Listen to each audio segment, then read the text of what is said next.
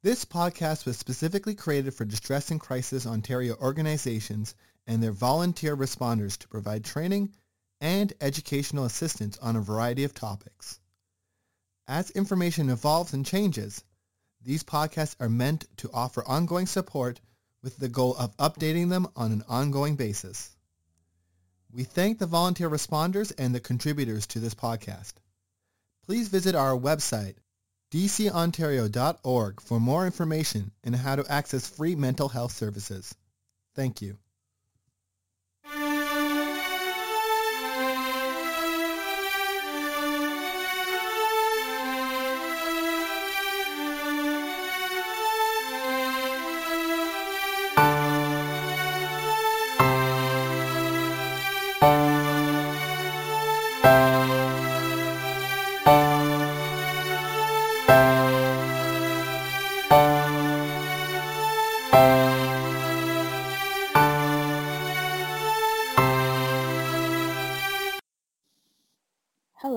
Welcome. My name is Brenda and I'll be your host. In this week's episode, I will be interviewing Florence Juma. Florence is in spiritual care at Grand River Hospital as a chaplain and is also an adjunct professor at Luther. Stay tuned as Florence shares the impact of isolation on patients, how spirituality can be used as a coping mechanism during isolation, how to handle isolation, how we can support others in isolation, and other insights. Enjoy! Good evening, Florence. Thank you so much for taking time out of your day to do this interview with me. Um, can you please tell us about yourself and the work that you do? So I, I do, I work in um, multiple contexts. Mhm. The first context, the primary context, I work at the hospital as spiritual care practitioner. And primarily, uh, that's about uh, most of the days of the week, usually, but it's there has been need for extra days during the pandemic. Mm-hmm. So uh, the, the nature of the work with spiritual care is just as part of the team, the allied team, Okay. working with individuals of different faith perspectives of faith practices, Mm-hmm. and even individuals who maybe they they don't uh, uh, align themselves or affiliate themselves with any particular religion, but just uh, spirituality, sus- sus- supporting the, their spiritual journeys is just not so much aligned with religion, but just Mhm. something that brings them hope or comfort during the times when they're in the hospital. Okay. My secondary uh, work is in the hospital. I also do some education. I receive students, students who are training to become clergy or Mhm. to practice spiritual care in institutions like health institution or correctional or any other institution, even uh, educational institutions. They come to do practicums. So I am a certified spiritual care practitioner and supervisor educator for spiritual care students. Okay. Secondary is with the Martin Luther University College at Mhm. Wilfrid Laurier University. I teach part-time. Just uh, I try to take one course per term Mm-hmm. and teach in the Department of Spiritual Care and Psychotherapy. So mostly that will be in the evenings uh, as when possible. And during the pandemic, doing it from home, I've also done it on Fridays. Friday Mhm. being my day off from the hospital. Okay. And so, yeah, those are the two. And on the side, I do some uh, counseling, but very minimal. Yeah. Okay. Wow, it sounds like you're very busy and you're spread out in different areas. hmm Yeah, so right now that we're in the midst of COVID, a lot of people are suffering with isolation. So could you give us your definition of isolation? So thinking about the word isolation, it means multiple things, but the bottom line is separating or setting aside for the purpose of either protecting Mhm. or, or uh, protecting the one that's separated or put aside or uh, for the purpose of studying to understand. So the current isolation is it's uh, imposed. It's Mhm. not a situation where anybody willingly would want to walk into separation. It's not for the good of anybody. Yeah. So in the hospital context, when there is isolation, the, we know that the main purpose is we, when we enter a room that for a patient who is in isolation is that patient is compromised and we cannot bring anything from outside that can further jeopardize the, the recovery of that individual. So we wear what we call personal protective equipment Okay. to enter that room. But the current isolation is different. It's people Mhm. isolating at home. Yeah. So not like I am here for a temporary period so I can get well. It's just I'm here, period. Mhm. Staying at home and not having their usual social or relational uh, aspects that kind of cause them to thrive. So the current isolation is a little bit on the negative side, but Mhm. necessary Yeah. for people to be well. Yeah. Mm-hmm. Yeah. So with that, how has isolation impacted people in general or your patients? With the patients, it's it's difficult because isolation means no visitors. Mm-hmm. Exceptions are made for unique circumstances, and those are rare. Okay. Unique circumstances include end of life Mm-hmm. or circumstances, but generally no visitors. Where there are no visitors, it further impacts people negatively. Mm-hmm. One of the things that we have done to mediate that is to have iPads in the hospital. Oh, that's cool. And those iPads, you can connect people either with family and some of them with clergy, with what we call care partners. Mm-hmm. It- that is minimal. It's helpful but minimal. So yes, Yeah. isolation has affected uh, people who find themselves in the hospital at this time because you're already so compromised. Your your your situation is already critical. You are in, in a crisis because you Mhm. don't go to the hospital just to have a walk or have a physical. You go there because you're there is a, a health crisis. Yeah. It's not when someone should further be isolated from their Mhm. support system. So we do our best as uh, allied clinical staff Mm-hmm. to to bring a little normalcy as much as possible, but definitely it's not easy. Yeah. Thank you for sharing that. So also, um, can spirit spirituality be used as a coping mechanism? If so, how? Like in terms of emotional health, psychological health.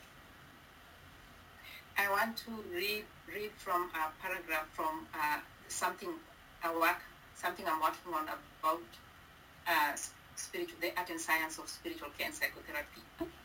And so I write here that spiritual care psychotherapy is the care that attempts to sustain and care for the human person from the inside out. That is the spirit and the mind. Whereas physical care may focus on the visible trauma, the psychological care seeks to cure the psychological and emotional trauma. Mm-hmm. And spiritual care seeks to care for the spiritual trauma, that which ails the soul. Spiritual care is at the center of all the other forms of care. At the heart of the phys- at the heart of the physical illness lies a spirit that feels oppressed Mm-hmm. by the ailing ailments of the body. At the center of psychological and emotional trauma is a wounded spirit.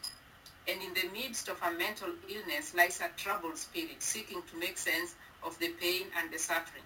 So spiritual health and wellness Mm-hmm. almost ties all this together, addresses the, the wounded soul, the troubled spirit, the aching heart, and it's just from psychotherapy, from talk therapy, if we may use that. Mm-hmm. It can be from pharmacological, like from taking a pill or taking a needle, Yeah. but complements the one who is taking those pills and needles.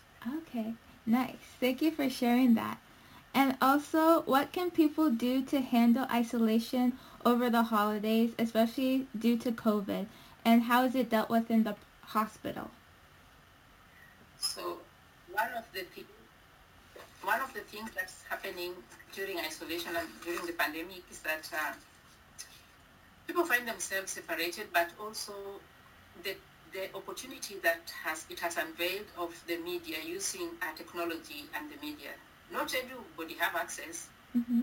In which case, the best thing to do is to reach out to start with immediate inner circle. You may one may not visit with uh, maybe uh, relatives or Mhm. close friends. But if there is a way, in the hospital there are phones. Mm-hmm. When we, the iPad, you can use the phone. If there is just a way to stay connected, once a day call one member of the family. Once a day call maybe a friend, person, uh, if it is okay with them. Talking to someone, a family or a friend, a relation, just outside, just talking normal things so that all your full day is not surrounded by medical treatment, therapy, physio. One time you can call someone from outside and talk about the weather and talk about the baby maybe growing or not growing Mm-hmm. or silly thing that you may do after the pandemic that can help somebody's re- reduce some of the stress Mhm. just emotional trauma. Yeah, it's been very helpful to have technology. I always think about if technology did not exist, I wonder how we would be coping because a lot of us are connecting through Zoom, through Facebook chat, through different types of social media. So it's good that this is a time where we have technology that is able to connect each and every one of us. Mm-hmm. It's been very helpful, yes, you're right. If we didn't have it, some of us, because of our age, we didn't think technology was so much our thing. Yeah. For the young Mm-hmm. But yes, at this time of the pandemic, it's just been an equalizer. It, some of us have done some family reunion or family sessions. Yeah.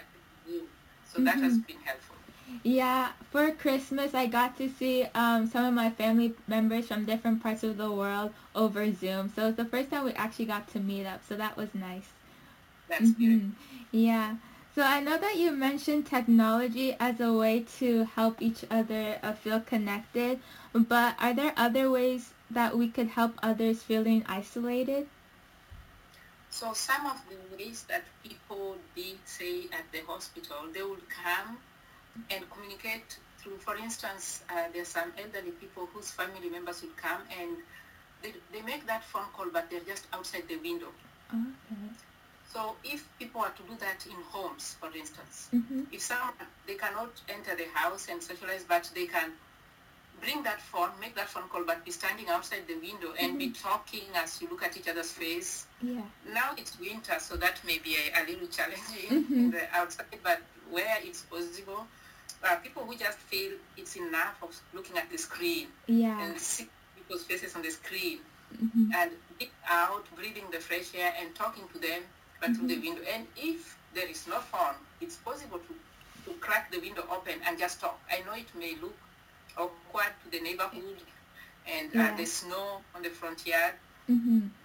that just may give a little bit of that human connection Yeah. without the screen. Mhm. It's beautiful. In the hospitals, yes, they come and they stand out somewhere, they wave their hands. Some of them make cards, Mhm. say things on the cards, so anything like that. Yeah. Yeah, those are some very creative ways that people can stay connected.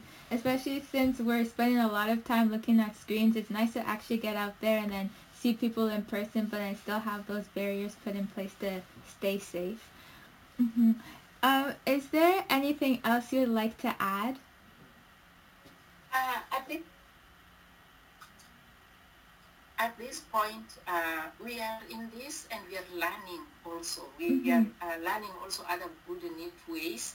One thing that I have most recently started working on that was not part of what I did in the past was working with newcomers. Okay. Newcomers are impacted in a different way Mhm. and mostly newcomers from the African continent. Mhm.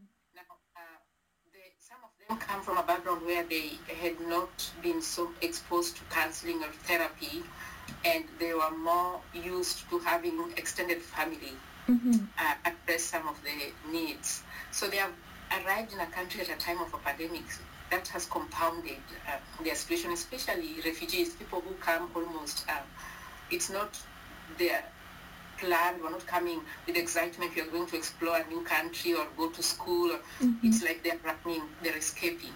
Mhm. And landing into a, a time of pandemic, usually they, are, they would wait in a shelter in, Mhm. in a the living condition is like a group living condition, and some of them have been exposed. So those have uh, had different challenges during this pandemic.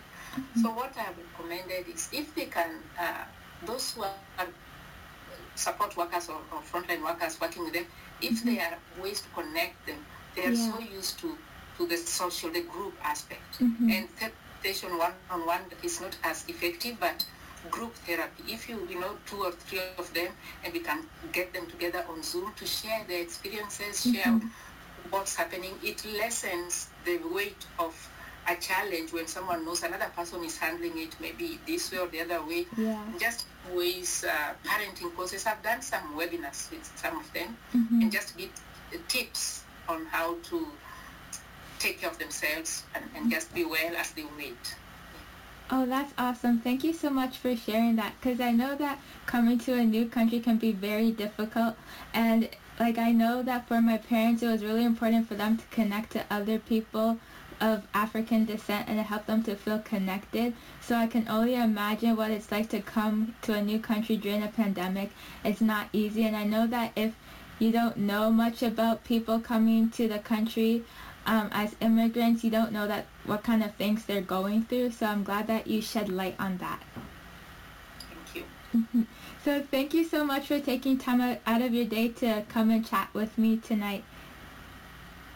It's a pleasure. It's a pleasure, and I, I, I, thank you and hope that this kind of information and sharing of knowledge yeah. will be beneficial to many and bring some good as we walk through this challenging season together. Yeah.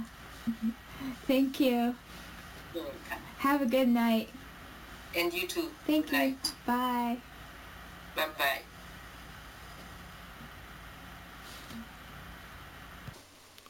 Hi, I'm Damien, one of the editors of the DCO Learning Forums podcast. Over the past year, we've been busy converting our Learning Forums series of videos into podcasts and thinking of new ways to continue delivering new and more in-depth content. We've seen the demand, and we're announcing our move to Pinecast and our new tip jar function. Please consider going to tips.pinecast.com slash jar slash distress and crisis Ontario and donating. And in return, we'll be recording new follow-up episodes on some of our most popular topics.